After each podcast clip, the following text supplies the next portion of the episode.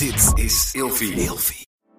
De overgang. 85% van de vrouwen tussen 45 en 60 jaar ervaart overgangsklachten. Klachten die kunnen leiden tot een verkeerde diagnose of langdurige arbeidsongeschiktheid. Wat kun je doen als je overgangsklachten ervaart? Hoe maak je dit bespreekbaar op je werk? En als jouw medewerker bij jou komt, wat kun je als werkgever dan doen? Sector Instituut Transport en Logistiek heeft een kennisplatform ontwikkeld waar jij terecht kunt voor tips en adviezen. Wil je hier meer over weten? Kijk dan eens op stl.nl/slash overgang. Wat leuk dat je luistert naar de podcast Seks, Relaties en Liefdes. De plek waar ik in gesprek ga met mijn gasten over alle onderwerpen waar eigenlijk veel te weinig over gesproken wordt. Dus luister, geniet en laat je vooral inspireren. Welkom bij een nieuwe aflevering van Seks, Relaties en Liefdes. En met mij vandaag een gast waar ik toch al uh, een hele tijd mee in gesprek wil. Um, Leon Knoops. Leon, welkom. Goeiedag. Ja, hey, Dankjewel je, voor de uitnodiging. Nou ja, heel fijn uh, dat je bent gekomen, helemaal vanuit het Hoge Noorden. Mm -hmm. hey, jij werkt voor uh, Mainline. En uh, Mainline uh, komt op voor de rechten en de gezondheid van mensen die drugs gebruiken.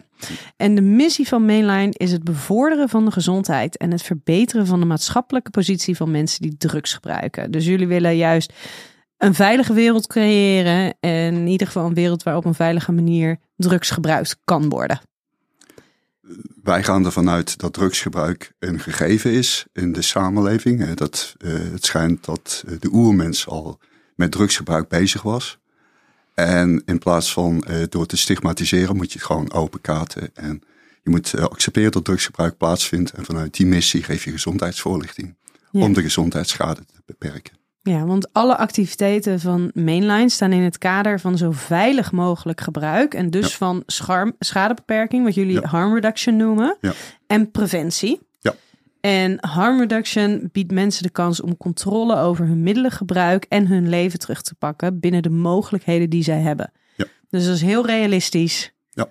Sommige mensen die hebben hiermee te maken, voor hun is het probleem problematisch. Hmm. En laten we dan kijken hoe ze er zo goed mee mogelijk in kunnen ondersteunen. Ja, en anderzijds wat je aangaf, preventie houdt in dat je uh, hele objectieve, uh, uitgebreide voorlichting moet geven, informatie moet verstrekken.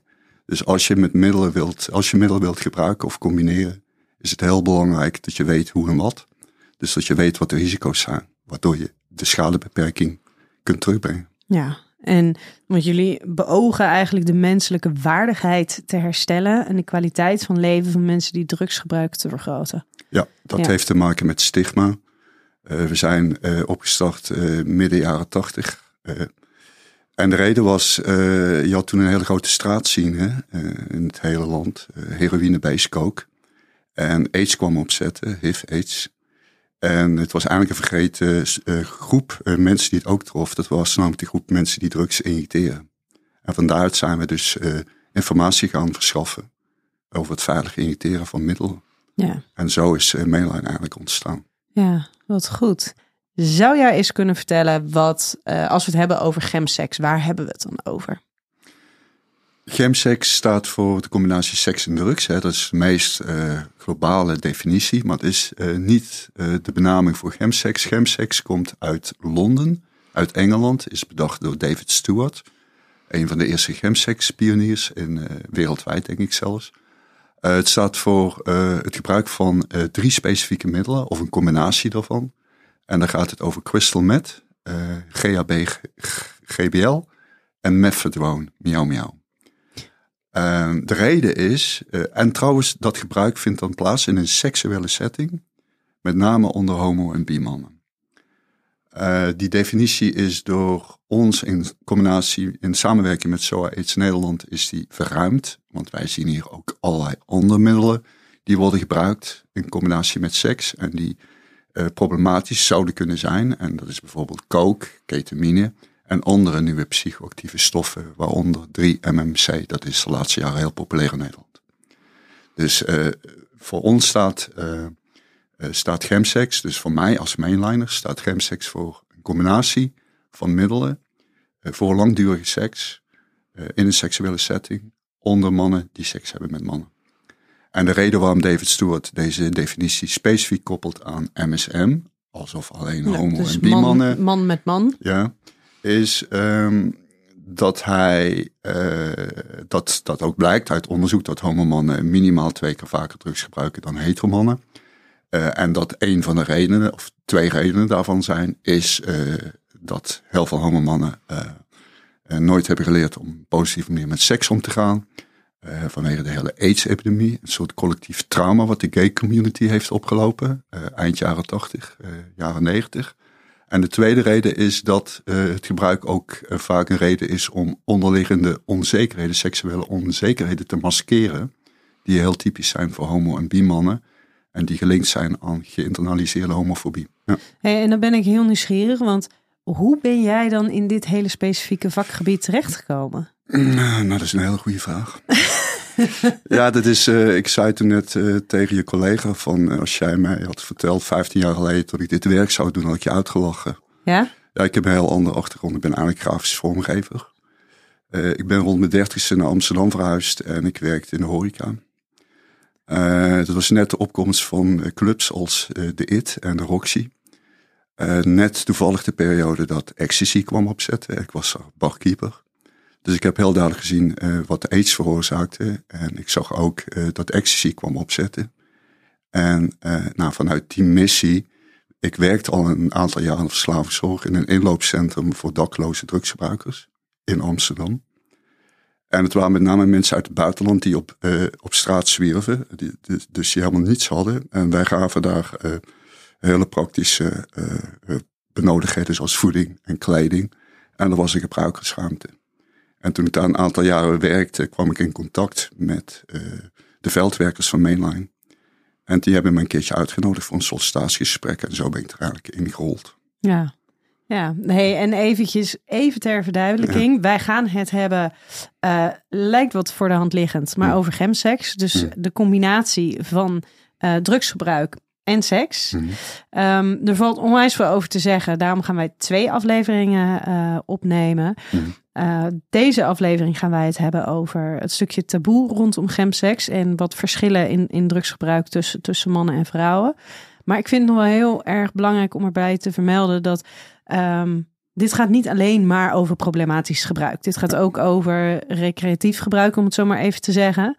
En um, ja, dat is ook waar jullie op richten. Niet alleen op de verslavingsproblematiek, maar ook op het preventief voorlichten van mensen die daar gewoon uh, recreatief gebruik van willen maken, die willen gaan experimenteren. Ja, wat wij doen is informatiemateriaal maken voor specifieke subdoelgroepen.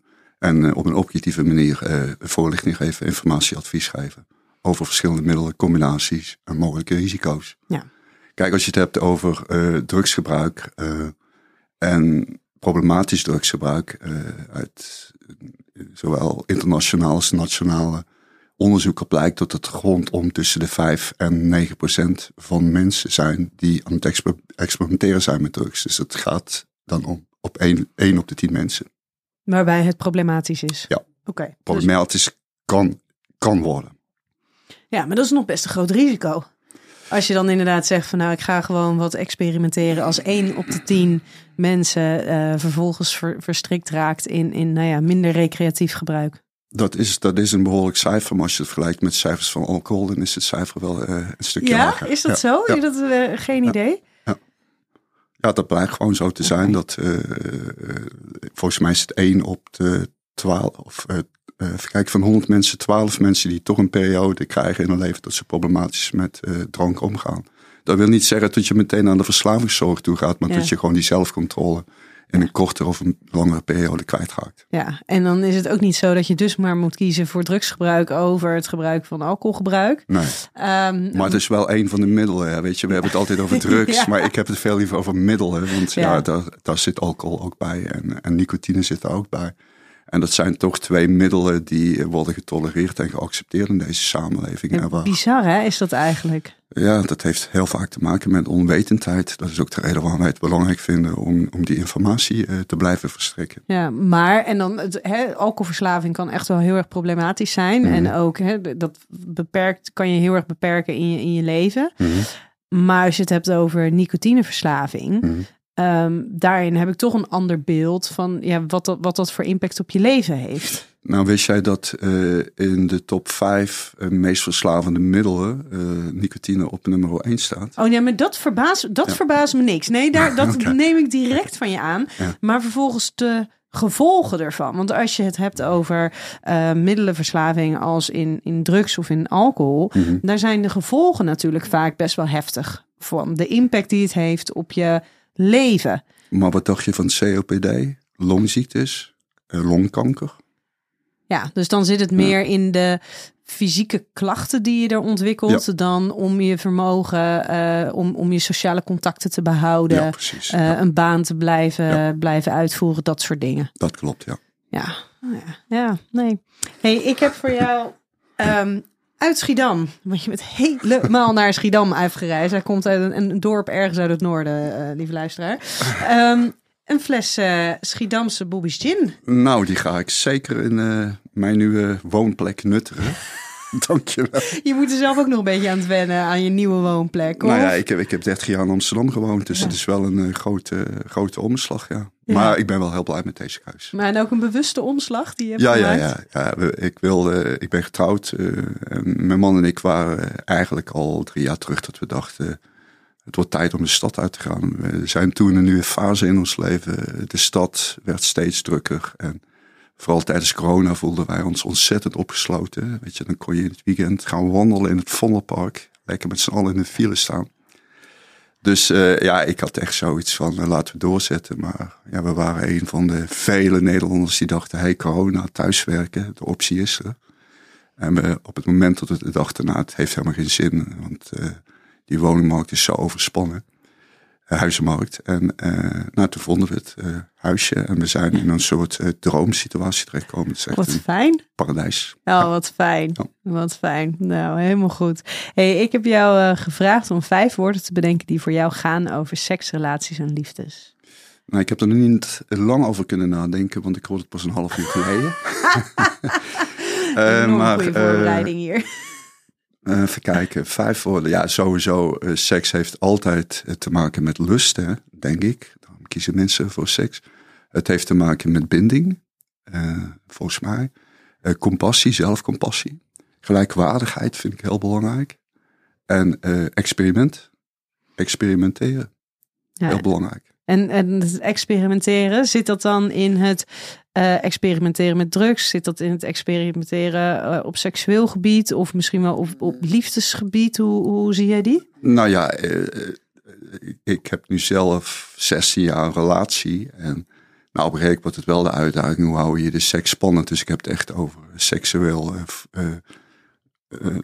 gewoon regelmatig communiceren over seks. Over je seksuele wensen, je seksuele fantasieën. En daar kijken of je daar een, uh, een soort overeenkomst in kunt vinden. Ja, dat klinkt wel heel zakelijk, maar een seksuele ja, maar overeenkomst. Maar ik denk dat, we, uh, dat, dat heel veel mensen minder uh, last zouden hebben van, van hun seksuele relatie. als ze het wat op sommige momenten wat zakelijker zouden gaan zien. Ja. En dus inderdaad echt in gesprek gaan, overeenstemming bereiken over ja. bepaalde dingen. Ja. Ja, ik heb voor jou uh, vijf kutkeuzes. Ben je er klaar voor? Kom op. Intimiteit of seksualiteit? Nou ja, kijk, als ik kijk naar mijn werk, uh, vind ik het altijd heel opvallend. Uh, want wij zien dus wekelijks, ik spreek wekelijks, meerdere, met name homo- en bi-mannen die aan het afgeleiden zijn aan de gevolgen de combinatie van seks en drugs, gemseks genaamd. Uh, dat uh, veel mannen aangaven van ja, eigenlijk toen ik in die hardcore gemsekswereld zat, waar ik dagenlang seks had met meerdere sekspartners, was ik eigenlijk op zoek naar intimiteit. Dus ik ga meteen voor intimiteit. Ja, mooi. Over seks praten of seks hebben? Uh, ja, dus wel de combinatie. Uh, ik denk wel dat je daarover moet blijven communiceren. Als het gewoon, als het iets minder gaat of als het niet uh, voldoet aan je wensen of omdat je iets mist, dat je er wel over moet communiceren. Maar je kunt ook helemaal een stuk lullen, zal ik maar zeggen. Je kunt helemaal een stuk praten, dus dat, je moet er niet te veel over praten. Gegeven moet je het ook gewoon doen. Ja, ik zeg ook altijd, op een gegeven moment je, dan, dan ben je seks gewoon een beetje dood aan het praten. Ja, nou ja, die ervaring heb ik zelf ook wel een uh, tijd gehad. Dat je dan, dat het ook ook zo groot wordt in je hoofd. En is natuurlijk ook, eh, ja, toch het, eh, hoe deze samenleving, en zeker in de gay community, hoe er met seks wordt omgegaan. Dat het wel belangrijk is dat je over communiceert, maar dat je wel probeert om een, in mijn optiek toch op een iets hoger level te komen dan alleen lust en dickpics en dating apps. En eh, zonder iemands naam te kennen met iemand urenlang seks te hebben. Ja. Dat is mijn persoonlijke mening. Ja, dat is jouw persoonlijke mening. Maar je benoemt nu even een paar aspecten waarvan, nou ja, ik denk toch ook wel een beetje stereotyperend voor hoe wij denken dat, dat seks eruit ziet in, in de, de bij homoseksuele mannen. Maar is dat dan ook echt zo? Of zeg je van nou, er is ook echt wel een hele wereld waar, waar gewoon monogame relaties zijn, waar niet... Ik denk dat er voldoende uh, LHBT'ers zijn die, uh, die gewoon een monogame relatie nastreven. Um, maar wat je ziet is uh, dat uh, in de gay community, sinds de opkomst van de dating app cultuur, die daar eigenlijk het, gewoon het eerst populair begon te worden, dat het synchroon loopt met de opkomst van het gebruik van drugs. Um, wat je ziet is een soort anonimiteit, hè? wat we ook terugzagen met corona, ook regelmatig terughoren van mannen. Uh, kijk, voorheen had je nog uh, allerlei uh, manieren om op een sociale manier met andere mannen in contact te komen. En dat zou ook op een festival of een kroeg kunnen zijn. Maar ook bij de sportclub of bij je hobbyvereniging waar je aangesloten bent. En wat je ziet door corona is dat heel veel mensen in dat sociaal isolement terechtkwamen en op die dating apps gingen. En wat je dan ook wel terug hoort, en dat is ook mijn eigen ervaring toen ik zelf op dating apps zat. Het is een soort ja, verharde manier van communiceren met elkaar. Weet je, uh, uh, de fotokeuzes al, het zijn heel vaak uh, ontblote bovenlijven. Het zijn heel vaak geslachtsdelen of je laat je achterwerk zien. Helemaal prima. Maar de eerste vraag is top, bottom. Uh, dus of je de actieve of de passieve partner bent. En de tweede vraag is gems, vraagteken. En de derde vraag is welke gems. Dus het is een manier van communiceren. Ja, is dat stereotyp? Uh, ja, dit is wel de realiteit vandaag de dag. Dat is een manier om met andere mannen in contact te komen. Dus je bent op zoek naar connectie, intimiteit. En je kiest voor een soort anonieme hardcore seks. Ja. Al dan niet onder invloed van middelen. Ja, en het is sowieso wat je net zegt. Hè? Een van de eerste vragen is inderdaad tot top, bottom. Mm. Um, terwijl er nu af en toe wel eens gezegd wordt richting uh, heteroseksuele mensen. Wij kunnen nog heel veel leren mm. van die homoseksuele mannen. Omdat die veel duidelijker zijn, veel explicieter zijn mm. in wat hun voorkeur dus daarin is. En dat dat dus bij heteroseksuele stellen heel vaak niet gebeurt. Uh, en dat er dus heel veel verwarring kan ontstaan. Ja, dat is natuurlijk een andere kant. Het is, maar hoe je het bekijkt. Maar kijk, wat ik dan terugzie, uh, is dat er een verwarring is ontstaan tussen het begrip uh, connectie, intimiteit en seksualiteit. En dat is het hem, snap je? Dus dat je eigenlijk op zoek bent naar connectie, verbondenheid, intimiteit, misschien wel een, een steady vaste partner. Maar je kiest op dat moment voor hele anonieme seks. En het liefst zo snel mogelijk. En dan onder invloed van drugs. En dat is wel echt waarvan je ziet dat met die toename van die dating apps, dat je meer losse, nog meer losse contacten, nog meer drugsgebruik, ja. nog meer anonimiteit. Ja, maar ook de groep mannen die wel op zoek is naar een serieuze partner, ook gefrustreerd stoppen met een dergelijk profiel op een dergelijke website. En dan toch naar de serieuze datingrelatie uh, uh, websites gaan. Ja. Dus uh, niet meer op Grindr zitten of Planet Romeo of Tinder. Echt daar vanaf. Ja. En daar ook echt op kunnen afknappen. Dat horen we ook regelmatig terug. Um, seks met of seks zonder drugs? Ja, dat is een hele persoonlijke keus. Wat mij is opgevallen is dat seks met drugs eh, veel meer voorkomt dan wij allemaal weten. En dat het los staat, uh, en daar even heel duidelijk in zijn, van seksuele identiteit. Maar ook van leeftijd, ook van sociale achtergrond. Ik heb uh, mannen gesproken tussen de 18 en 78 jaar die issues hadden met seks onder invloed van drugs. Kijk, iedereen, bijna, bijna iedereen, die begint met drugs in combinatie met seks, die heeft een hele positieve ervaring. Dat heeft meerwaarde. De seks wordt intenser, de seks gaat langer door. Je kunt makkelijker experimenteren seksueel. Dus ja, het is allemaal veel spannender. En vooral die langdurige seks is, uh, is voor veel mensen een soort uh, nou, uitdaging om dat te ervaren. Dus die eerste ervaring is bijna altijd heel positief. Wat je dan ziet is wel dat op een gegeven moment, als, als dat een meer regelmaat gaat worden, dat het ook moeilijker zal zijn om seks te hebben zonder drugs. Want die seks, ja, die kan binnen, dat zal misschien maximaal anderhalf uurtje duren of zo, twee uur. En dat is dan al lang, hè, voor de En meeste dat mensen. is, en dat is Ja. dan al lang. Dus ja, dan kies je toch voor die gemseks. Ja. Vanwege ja, de spanning die erbij zit. En als jij dan vanuit persoon ehm, zou zeggen van nou dit, de, de, zou- als je een keuze, als je de keuze hebt, Mhm. hè, dus dat het dus nog niet zo is dat ehm, seks zonder drugs eigenlijk niet meer lekker kan zijn. Mhm. Dus je zit in, in zo'n beginfase eigenlijk nog. Zou, zou je dan zeggen seks met drugs of seks zonder drugs? Wat is dan waardevoller? Ja, ik, de- ik denk dat het heel moeilijk is om daar een, om daar een antwoord op te geven. Omdat het een heel persoonlijk eh, situatie is waar je zelf in vertoeft. Kijk, wat ik, wat ik regelmatig ook terugzie, wat ik ook wel terug eh, herken eh, eh, in mijn privéleven, is dat gewoon ook dat hele sociale component speelt bij. Hè? Van, losstaand van jouw visie ten aanzien van drugs. En ik heb ze vaak genoeg gesproken afgelopen jaren. Mensen die zeiden ik was altijd anti-drugs. Totdat ik op een gegeven moment in een soort ideale situatie terechtkom. Met de juiste persoon. In de juiste situatie. Ik krijg drugs aangeboden. Oké, misschien ervaar ik enigszins weerstand of twijfel. Maar ik ga erin mee. Ja, en dan eenmaal onder invloed zie je op dat moment ervaar je de meerwaarde. Dus daar ga je daarvoor. Kijk, iemand die nu bij ons aanklopt en die zegt van... Hey, eh, ik kan geen seks meer hebben zonder drugs. Eh, van wat zijn de meest belangrijke eerste stappen die ik kan nemen?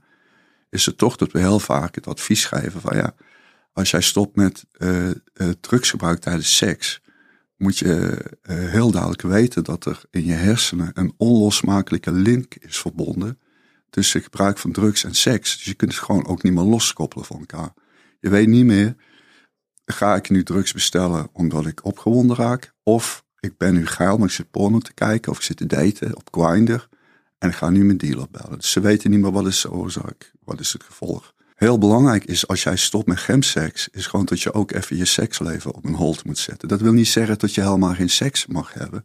Maar de eerste stap die we altijd meegeven van verwijder al je profielen van dating apps. Ja? Ja, want elke, want het is gewoon, moet je voorstellen als je al in het patroon zit. Hè? De grootste groep mensen die wij spreken functioneren nog min of meer. Weet je, door de week hebben ze een belangrijke baan, zijn ze bezig. Maar in de weekend gaan ze los. En die weekenden die beginnen op de vrijdagavond en die gaan alweer door tot de zaterdagavond en dan tot de zondagochtend en dan tot de zondagavond en tot de maandagochtend. En dan moet je weer. Nou, zo'n dating app, weet je, meestal woensdag, donderdagavond gaat het kriebelen. Dat, dat, en dat zeggen zij ook tegen, regelmatig tegen ons. Die woensdag, donderdagavond ervaar ik mijn eerste craving. Ja, maar die maandag en dinsdag zijn ze nog aan het bijkomen van het weekend. Zijn ze aan het bijkomen van het weekend en moeten ze functioneren. Dus het kost heel veel energie, lichamelijk en geestelijk. Dat is gewoon een heel zware leefstijl. En, maar dat zijn ook heel vaak, eh, eh, nogmaals, grootste groep mensen die wij zien zijn homo en bi-man. Het zijn heel vaak mannen die het al jarenlang heel goed voor elkaar hebben. En die ook jarenlang op een hele po- positieve manier met gemseks konden omgaan. Totdat ze op een gegeven moment met specifieke middelen of met specifieke eh, gebruikstechnieken in contact komen. En daarbij is het risico veel groter dat je sneller afglijdt. Ja, en dan verlies je eigenlijk een stukje van de regie over je gebruik. Ja, dan word je echt, eh, dan, is, dan komt het gemseksverhaal echt heel centraal eh, te staan in je leven. Dus in de weekenden. Dan zie je ook dat andere sociale contacten op een lager pitje komen te staan. Dat specifieke andere verplichtingen en hobby's naar de achtergrond worden geschoven. Dus mensen komen daardoor ook in een sociaal isolement terecht. En als ze op een gegeven moment uit die gemsekswereld willen stappen, ja, dan, dan betekent dat dat je ook eh, in een soort sociaal isolement vertoeft. En dat horen we heel vaak terug. Ja, wat ook weer heel erg lastig is Ja. vervolgens. Ja. Ja. Ja. Drugs om te verdoven of drugs om te genieten?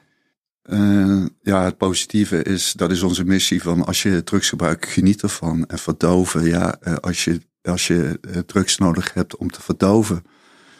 Ehm, ja, we hoort regelmatig terug dat je drugsgebruik nodig hebt als een soort zelfmedicatie om te kunnen blijven functioneren. Is het dan problematisch bij de ene wel, bij de ander niet? Drugs gebruiken om te verdoven, ja, dat heeft meestal geen positief effect. Want eh, een van de, eerste, van de belangrijkste voorwaarde om drugs te nemen is, is dat je geestelijk, lichamelijk uh, je oké voelt. Dus als jij uh, issues hebt en het wilt wegdrukken, dan zal het wel lukken onder invloed. Maar redelijk, als je bij nuchter bent, komt het dubbel zo hard weer terug. Drugsgebruik wanneer je een vaste partner hebt of drugsgebruik met verschillende partners? Uh, ik denk dat drugsgebruik met een vaste partner vaak uh, veiliger is. Uh, je kent elkaar, je kunt heel duidelijke afspraken maken. de hele setting, de plek waar drugsgebruik plaatsvindt, is veel positiever. Het is gewoon vertrouwd. Drugsgebruik met verschillende partners, ja, dat betekent experimenteel met seks, seksualiteit omgaan. En ja, er zijn ook mensen die daar heel, heel veel meerwaarde uithalen en die daar ontzettend van kunnen genieten. Dus ik weet niet of ik voor het een of het ander zou kiezen. Maar daarbij zeg je wel, die daarvan kunnen genieten. Ja. Dus dan is dat wel weer een belangrijk aspect daarvan. Dat is misschien wel het aller, allerbelangrijkste aspect. Ja. Hey, ik heb uh, vijf stellingen voor jou. Oké. Als het stigma rond, rondom drugsgebruik minder groot zou zijn, zouden de gevolgen ervan ook minder groot zijn. Nou, daar ben ik het 100% mee eens meest, meest genoemde uh, issue waar mensen tegenaan lopen als ze hulp gaan zoeken. Ze kloppen heel vaak bij ons aan omdat wij laagdrempelig zijn. Um, we hebben voldoende expertise in huis. We weten, we weten de slang, de hele straattaal rondom het gebruik van drugs in de gemsekswereld. Uh, we weten wat er speelt. We hebben daar geen oordeel over.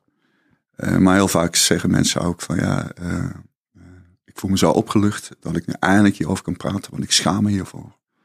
En het is heel vaak schaamte, dat hoor je ook heel vaak terug. Meestal hoor je terug, het is de schaamte.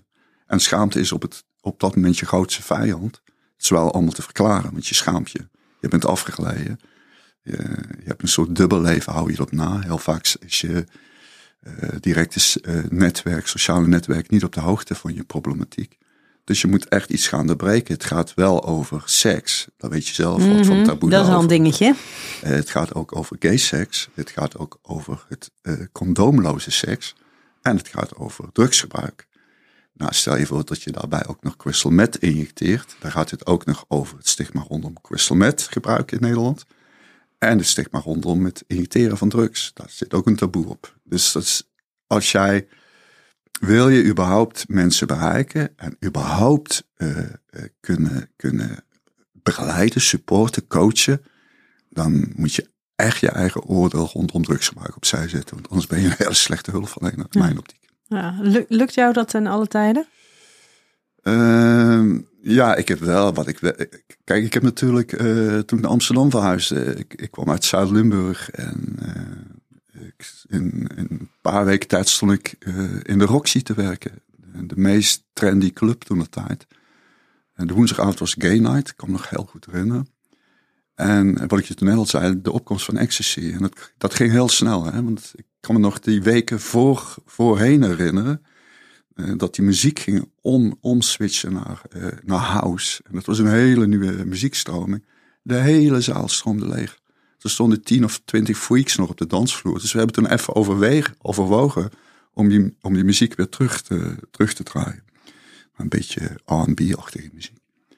Nou, binnen twee weken was het volle bak. En ik stond als barkeeper en ik kreeg heel veel fooien. En ik vond mensen allemaal zo aardig. En ik wist niet wat aan de hand was. Nee. Het was ecstasy. Dus ja, die ecstasy kwam toen de tijd opzetten in die gay community. En toen spreidde het zich langzaam maar zeker uit naar het andere clubleven, het nachtleven. Uh, maar het was in het begin ook echt een druk. Uh, die werd genomen in combinatie met dansen. En, uh, ja, echt partydrug. Echt een partydrug. En, en pas anderhalf jaar daarna, zo langzaam maar zeker, kwamen de eerste signalen dat er ook drugs werd gebruikt in combinatie met seks. Alleen het heette geen gemseks, het heette party and play. Dat was toen de tijd de benaming. Dat was een trend die uit de States kwam over, waar je via Londen, een grote gay community, naar West-Europa. Ja, maar lijkt me ook wel bizar als je dat dus letterlijk zo ziet veranderen op de dansvloer, wat Ja. daar dus gebeurt. Ja. Ja. Het zijn voornamelijk homoseksuele mannen die drugs gebruiken in combinatie met seks. Nee, het is wel zo dat uh, uit onderzoek blijkt dat uh, homomannen minimaal twee keer vaker drugs nemen dan heteroseksuele leeftijdgenoten. En onder de groep 40-plus mannen is dat percentage drie keer zo groot. En onder mannen met HIV, of misschien wel mensen met HIV, uh, is dat vier keer zo hoog. En wat maakt dan dat dat uh, drugsgebruik zoveel hoger is bij homoseksuele mannen? Ja, dat is een hele goede. Ja, sowieso als je kijkt naar die verhouding. Uh, volgens mij 40% vrouw, 60% man. Dus mannen hebben sowieso meer ervaring met drugsgebruik dan vrouwen. Uh, ik zelf ben er steeds meer van overtuigd dat het ermee te maken heeft. Dat het is ook mijn persoonlijke ervaring toen ik uit de kast kwam. Ik heb nooit een positief voorbeeld gehad van hoe gay seks zou kunnen zijn. Ik ben opgegroeid uh, in het AIDS-tijdperk, zal ik maar zeggen. Eind jaren 80, begin jaren 90. Ik ben ook mijn partner kwijtgeraakt aan de gevolg van AIDS. Uh, veel vrienden, kennissen. Dus ik heb van heel dichtbij meegemaakt. Ik kwam net uit de kast dat ik dacht van yes, weet je, seksuele revolutie, ja, forget it. Ik wilde weer die kast in. Ik had HIV, of ik had geen HIV, maar HIV, ik zou HIV kunnen oplopen. Ik moest weer die kast in. Heel veel angst. Was heel veel angst, weet je. Dat vond ik wel heel boeiend. Ik sprak pas geleden met een, met een man die is ook gay en hij heeft een heel breed netwerk omdat hij eigenaar is van een club. Hij zegt, ik ken geen enkele homo man die zich niet heeft laten vaccineren. Weet je, wij hebben dit al een keertje eerder meegemaakt. Ja zo'n epidemie die komt opzetten en je weet niet wat het is en je weet niet hoe je daar tegen kunt beschermen. Je weet niet of er een vaccinatie gaat komen, ja of nee. Maar om dan terug te komen op je vraag. Ja. Sorry. Nee, maakt helemaal niks uit. Ik denk dat er wat aan meespeelt zijn wel die, uh, die onderliggende issues. Uh, weet je, je, we hebben nooit geleerd over seks, niet en nog steeds vandaag de dag. Kijk naar uh, recent onderzoek van vorig jaar nog van het Centraal Planbureau. Um, 83%, 82% accepteert of tolereert homoseksuele mannen. Maar als twee mannen hand in hand over straat lopen, één op de vijf Nederlanders vindt dat aanstootgevend en elkaar op straat uh, zoenen. Dan heb je het niet over uitgebreid tongen, maar heb je het echt over zoenen. Eén op de drie Nederlanders. En feit is een soort schijntolerantie. En dat hoor ik wel heel vaak terug. Dat zie ik ook terug met mannen die in behandeling gaan. Het heeft geen zin om je alleen te richten op uh, abstinent zijn, te stoppen met gebruik en nee, er wel heel vaak onderliggende issues in mee. Ja, en heel vaak. Onderling, uh, dus die, die angst, uh, als je het hebt over het stukje verdoven. Ik kan me voorstellen dat dat bij deze doelgroep ook een grotere rol speelt. Schaamte voor hun eigen homoseksualiteit. Het hele beeld van mannelijkheid in de community. groepsdruk kan ook meespelen. Hoe, be hoe belangrijk seks is. Ja, dat ook. Dat, dat het eigenlijk een soort lifestyle is. Hè? Van, uh, ja, weet je, iedereen gebruikt drugs. Ik heb regelmatig teruggehoord, iedereen gebruikt drugs. Ja, waarom? Dan ga je ook ga je overstag. En, maar ook geïnternaliseerde homofobie. Uh, heel veel mannen die dat ook aangeven. Zeker mannen met een biculturele achtergrond. Die in een soort dubbel leven door het leven gaan. Vandaag de dag in Nederland. Ik zelf ook hoor. Ik, ik merk dat ik daar... Um, dat ik eigenlijk op vrij vroege leeftijd heb ik toch min of meer een soort trauma opgelopen als jongetje zijnde. Dat ik wist dat ik anders was dan andere jongens. Maar dat ik meteen, ik wist niet wat het was. Maar ik wist wel meteen dat het niet oké was. En dan ga je toch naar, dan wil je toch naar een soort veilige omgeving waar je dat kunt delen. Maar uh, je uh, woonsituatie met je ouders en, en je hele familie is eigenlijk ook niet veilig. Want voor hun is het ook een geheim. In feite loop je een soort trauma op. En dat trauma, dat draag je gewoon mee de rest van je leven. Misschien kom je op een hele relaxe manier uit de kast en heb je alles mee. Maar dan nog zit er een soort trauma onder. Dat je niet oké bent zoals je bent. Ja. En dat is wel iets wat ik vaak terughoor en ook terugzie en ook terug herken. Is dat zelfcompassie eh, als homoman dat is nog steeds een uitdaging. Ja, dat is, ook waarom jij ook net zei bij die vijf woorden dat zelfcompassie daar zo belangrijk is. Dit doet me heel erg denken aan uh, de Velvet Rage. Daar wordt dit natuurlijk ook heel erg in, in beschreven. Dat het inderdaad gaat over een trauma wat je oploopt. Door elke keer weer die ervaringen te hebben waarin je niet goed genoeg bent. Waar je anders moet voordoen. Uh, dat je het geheim met je mee moet dragen. Ja, maar dus het zijn dus inderdaad wel voornamelijk daar die homoseksuele mannen. Um, en dat is ook waar die term gemsex vandaan is gekomen. Dus eigenlijk voornamelijk. Maar als je kijkt naar, naar de afgelopen jaren, is het ook een grotere doelgroep die drugs en seks combineert. Sterker nog, heel veel meer mensen uh, experimenteren daarmee dan dat wij zouden denken. Dat is, dat is, dat is echt, dat is duizend procent zeker. dat is duizend procent zeker. Kijk, Kijk, in het begin richten wij ons uh, op uh, mannen die seks hebben met mannen. En uh, dat was onder meer omdat wij dus ook uit het onderzoek, uit ons eigen onderzoek zagen dat die groep, omdat het, het is een hele verborgen wereld. Hè? Het, het gebruik vindt achter, achter je voordeur plaats in een privé setting. Mm -hmm. Dus hoe groot is die groep mensen? Um, ja. We zijn ook trainingen gaan aanbieden aan professionals uit de zorgsector, met name HIV-consulenten, SOA-verpleegkundigen, ook seksologen, huisartsen, omdat zij heel vaak te maken krijgen, of te maken kunnen krijgen met mensen die uh, issues hebben rondom het gebruik van drugs tijdens seks. Uh, nou, vanuit, vooral vanuit deze professie horen we steeds vaker terug van, hey, nou, jullie richten alleen op mannen die seks hebben met mannen. Maar wat dacht je dan van die groep uh, transpersonen, de sekswerkers, de swingerscultuur? Ja, ik ben ik helemaal met, met hen eens hoor. Het is, het is een hele, heel, het is een veel breder, veel bredere groep mensen in deze samenleving. Ja. Alleen we zijn een hele kleine organisatie. En je, je mag je doelgroep kiezen. Hè? Je mag natuurlijk ja. gewoon zeggen, wij richten ons op, op hen. Maar ik denk dat de ja. reden waarom het waarschijnlijk wordt aangekaart door andere partijen is het verlangen, de behoefte om inzicht te krijgen van hé, hey, maar hoe zit het nou? En jullie zijn al thuis in de onderwerpen, dus alsjeblieft pak jullie het er even bij. Nou, nou op zich, op zich uh, hebben we, we, hebben een soort signaalonderzoek uh, gedaan vorig jaar naar vrouwen en de relatie drugs en seks, combinaties drugs en seks.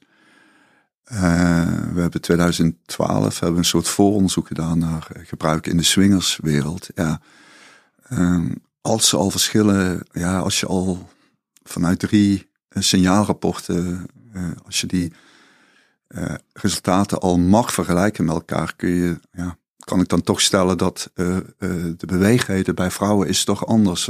vrouwen doen het bijvoorbeeld veel eerder met een vaste partner. Dan gaan we gelijk eventjes naar de stelling die ik daarover had. Namelijk, mannen hebben andere motivatie om drugs te gebruiken in combinatie met seks dan vrouwen.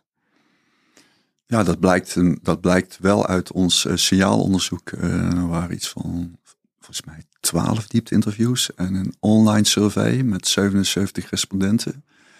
Uh, heel algemeen, hè? Uh, want er zaten allerlei uh, vrouwen uit verschillende subdoelgroepen tussen. Dus vrouwen die echt gingen feesten en dan drugs namen als, ze als ze een date hadden.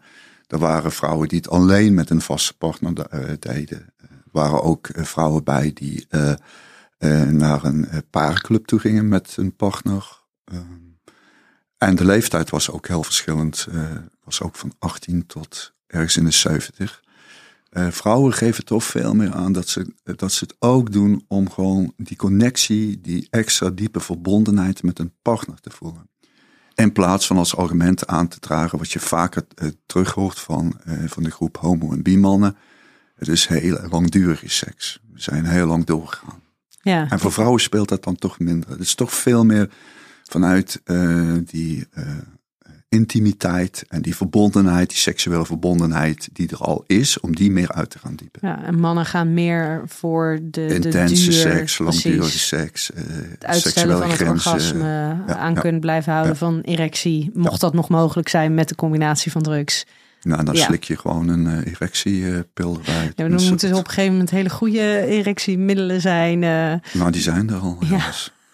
Helaas. Nou, niet die helaas. mag ik, mag ik niet promoten, hè? Die Nee, mag ik niet promoten, want die zijn niet via de huisarts eh, beschikbaar. Nee, Ehm, maar dat gebeurt dus wel, weet je, omdat, omdat je gewoon geen erectie meer kunt krijgen, heb je gewoon eh, sterke erectiestimulerende middelen nodig. En ja, eh, huisartsen kunnen het niet voorschrijven. Ze schrijven ook geen erectiepillen voor, maar online kun je alles krijgen. En je hebt het binnen twee dagen in huis. Ja, wat soms ook echt wel spannend is, want je weet niet altijd wat je in huis haalt.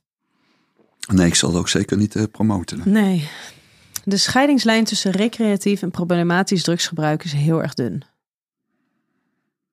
Ik weet niet of je heel erg dun is. Het is heel persoonlijk. Voor sommige eh, mensen is het een hele duidelijke, dikke lijn, vette lijn. Voor andere mensen is het een hele dunne lijn, omdat het eh, het proces van afgeleiden heel traag gaat.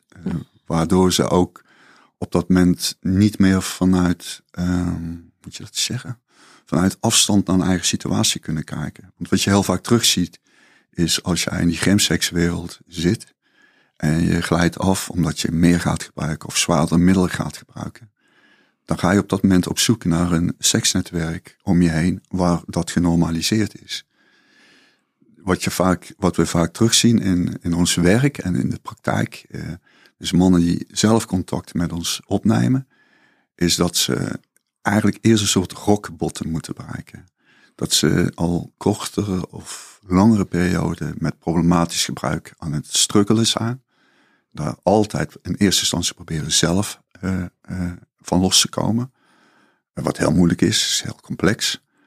Um, en die dan bij ons aankloppen en ook zeggen van, um, ja, ik wist het eigenlijk al een half jaar tot ik aan het afgeleiden was. Maar ik moest nu bijvoorbeeld uh, dit ongeluk meemaken. Om nu die uh, knop ja. om te zetten in mijn hoofd. Eigenlijk zonde, hè? Want als je er dus al zoveel eerder bij kan zijn, dat kan al zoveel, um, eigenlijk denk ik, schade beperken. Ja, maar het is ook heel vaak uh, moeilijk om te erkennen voor jezelf dat je problematisch aan het gebruiken ja. bent. Ja, Vanwege ik, dat taboe ook. Ja. Hè? Nou, we hebben het ook wel in, in onze omgeving um, gezien. En dat ik me dan ook echt wel zorgen maakte om uh, frequentie van gebruik. En de vanzelfsprekendheid. Dat. En dat ik dat dan konden zij het wel benoemen, nee, maar het is recreatief. En dat ik dacht, nou, ik vind het ergens wel een beetje problematisch worden. Ja. Als, als dit is wat je nodig hebt, als dit is waarvan je denkt, ja, dit, dit is toch heel erg normaal. Hm. Ja, um, moeten we het zo normaal vinden?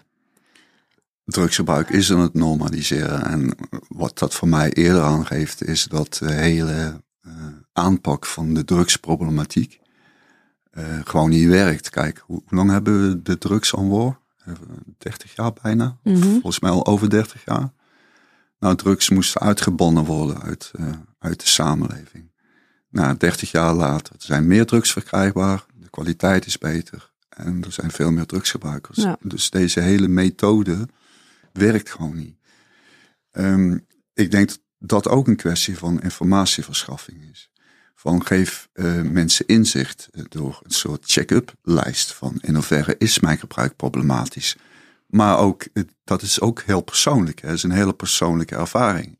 Ja, maar dat, dat is ook wel zo. Maar als je het dan hebt over normaliseren, daar is mm. natuurlijk nog een verschil tussen, hey, we, ja, het drugsgebruik is aan het normaliseren als in dat er veel meer mensen zijn die, die ervaring hebben met het gebruik van. Mm. Maar dan is er natuurlijk een verschil tussen van ja, maar um, is het normaal dat als jij een paar keer per jaar naar een festival gaat of een feestje gaat, dat je het dan gebruikt? Of in de situatie, thuissituatie, het een paar keer per jaar gebruikt? Mm. En is dat heel normaal? Of mm. wordt het normaal dat je het wekelijks gebruikt?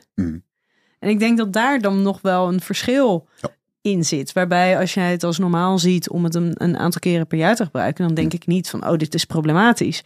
Maar als je merkt dat je het dus nodig gaat hebben. Mm. Om het naar je zin te hebben, om het leuk te hebben, om um, je, je, nou ja, je, überhaupt om totaal die verbinding met je partner aan te kunnen gaan. Dan denk ik, ja, misschien ga je dan als je het hebt over recreatief of het gebruik of het nodig hebben, mm. neig je dan alweer een beetje naar het iets minder recreatieve gebruik.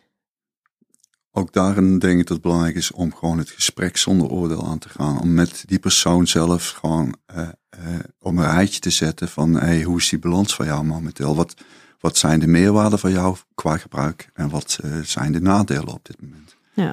En door überhaupt al zo'n lijstje samen te stellen, is de manier om voor jezelf veel meer zicht te krijgen. Want oprecht, wat ik je zeg, als je in een omgeving vertoeft, wat jij al aangeeft. Als je in een omgeving vertoeft wat elk weekend normaal is, dat je het weekend start met je groep vrienden en dat je kook gaat snuiven. Elk weekend. En dat doe je een paar jaar. Dan is dat voor hun zelfcontrole, een buitenstaander, die nooit drugs neemt, is het too much. Is het echt van, nou, je bent hoekt, je moet gewoon professionele hulp zoeken. Het is afhankelijk van of jij zelf uh, klachten ervaart. Uh, lichamelijke klachten, seksuele klachten, mentale klachten als gevolg of sociaal-maatschappelijke klachten. En dan ben je vaak al aan het afglijden als gevolg van het gebruik van drugs. Ja, en daarbij is natuurlijk het lastige, want als je het hebt over van um, uh, bijvoorbeeld de mentale klachten, is dat er heel veel mensen die het dan gebruiken ook niet helemaal doorhebben hmm. wat het vervolgens met hen doet. Ja. Ook in de dagen daarna. Ja. Ja. Want het, het zijn natuurlijk chemicaliën. Dus dat heeft een uitwerking op je hersenen. Dus dat doet wat met je. En dat, Ja. dat werkt ook meestal nog eventjes door. Dus dat vind ik af en toe gewoon zo spannend. Ja, nou ja, dat is, dat is, dat is wel heel bijzonder. Dat, eh, die informatie is vaak al voorhanden. Hè. Eh, De meeste mensen die wij spreken, die weten heel goed wat ze gebruiken en wat ze combineren. Maar ze weten ook dat met specifieke middelen ga je niet snel aan de slag. Want daarbij is die kater heel groot. Dat heb je bijvoorbeeld met ecstasy. Hè. Ecstasy en MDMA waren jarenlang, stonden ze echt in alle onderzoeken. Heb jij ervaring met combinatie seks en drugs? Stond helemaal bovenaan. En in Nederland ook. Maar wij horen zeker het laatste jaar, zeker sinds corona, dat dat eh, eh, helemaal is geswitcht. Dat steeds meer mensen eh, in plaats van ecstasy, vanwege die Tuesday dip, hè, vanwege drie Ja, de, dagen de dinsdagdip. Ja, ja, de Tuesday dip. Dat Afhankelijk en van dat waar ze dat, en, en die wordt steeds zwaarder, die wordt steeds intenser en die wordt steeds negatiever. En die zijn geswitcht naar 3-MMC. Want 3-MMC is een nieuwe psychoactieve stof. Het is een middel, je kunt het online bestellen. Tot voor kort kon je het nog online bestellen. Het is goedkoop. Er is heel weinig over bekend. Eh, zeker niets over de lange termijn effecten. Eh, korte termijn effecten wordt steeds duidelijker. Is in ieder geval een stimulant. Ja, net lange termijn, daarvoor zitten we er nog niet lang genoeg eh, in. Nee, maar we, eh, ik denk van de 20 mensen die ons nu benaderen vandaag de dag hebben er 18 issues met 3-MMC. Want het schijnt, het middel schijnt een enorme craving te geven, heel enorme zucht. En zeker in combinatie met seks, eh, omdat je onder invloed van dit middel kun je heel sterk focussen op seks. Eh, dus die link naar seksualiteit is ook veel makkelijker. Dus vanaf het moment dat jij op die, in die maandag, dinsdag zit na, na het weekend. En je loopt door de Albert Heijn. En je ziet ook een aantrekkelijke man of vrouw. Dan kun je in feite op dat moment de eerste keer weer die craving krijgen van oeh, ik word geil. Ik ga, ga, ga naar huis, ga, ga gebruiken. Ik ga, Dus dat voedt zichzelf eigenlijk alleen heel erg. Want Ja. je, ja. Ja. Maar dat is wel heftig. Ja, dat, dat is wel iets wat, eh, wat voor ons steeds duidelijker wordt. Dat 3-MMC, eh, weet je, het gaat de hele tijd over crystal meth in Nederland. Daar hebben we trouwens ook onderzoek naar gedaan. Omdat ja, het is het meest krachtige middel, zover wij weten, wat te krijgen is op de drugsmarkt. Maar ik denk ook dat, dat, eh, dat bijvoorbeeld een 3-MMC of een Hmm. ecstasy... dat wordt natuurlijk eh, wordt door een veel groter publiek gebruikt. Een veel Ja. kleiner eh, aantal mensen zit op de, op de crystal meth. Ja, dat is sowieso. Ja. Ja, ja, dat sowieso. Dat sowieso. Ja, maar, eh, want ik laatste dat was van eh Jurre Geluk. Die had in, eh, ik ja, in ieder geval voor een productie van, van BNN Vara.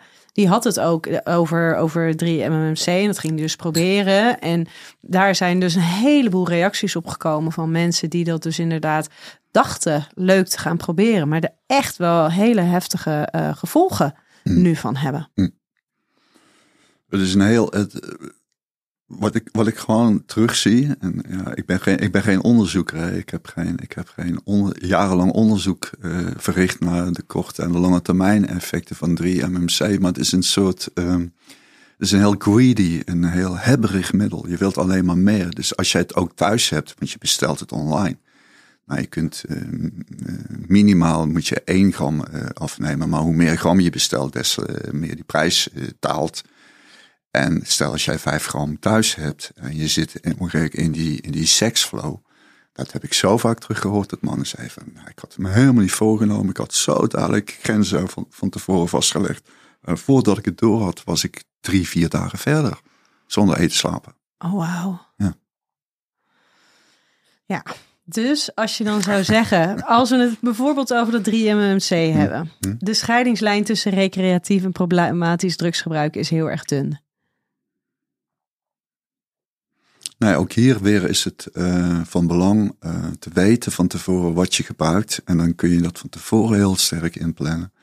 Ik denk dat het voor alle middelen geldt. Ik, kijk, de praktijk is gewoon dat wij, als je kijkt over de combinatie seks en drugs, eh, dat het met name gaat over wat wij terugzien, nieuwe psychoactieve stoffen. Dus dat 3-MMC en een paar jaar terug methadone had je dan. En 4-MEC, dat is ook nog zo'n eh, middel wat een beetje hetzelfde effect heeft. Het zijn allemaal stimulerende middelen. De grootste groep mensen die wij zagen was crystal meth. En dan zeg je, dat is een relatief kleine groep. Ja, maar we, we hebben wel voldoende signalen. Ook hebben we laten zien in ons onderzoeksrapport. Dat is vorig jaar verschenen. In september over de opkomst van het injecteren van drugs. En dat Het zijn, slammen. ja, slammen heet dat.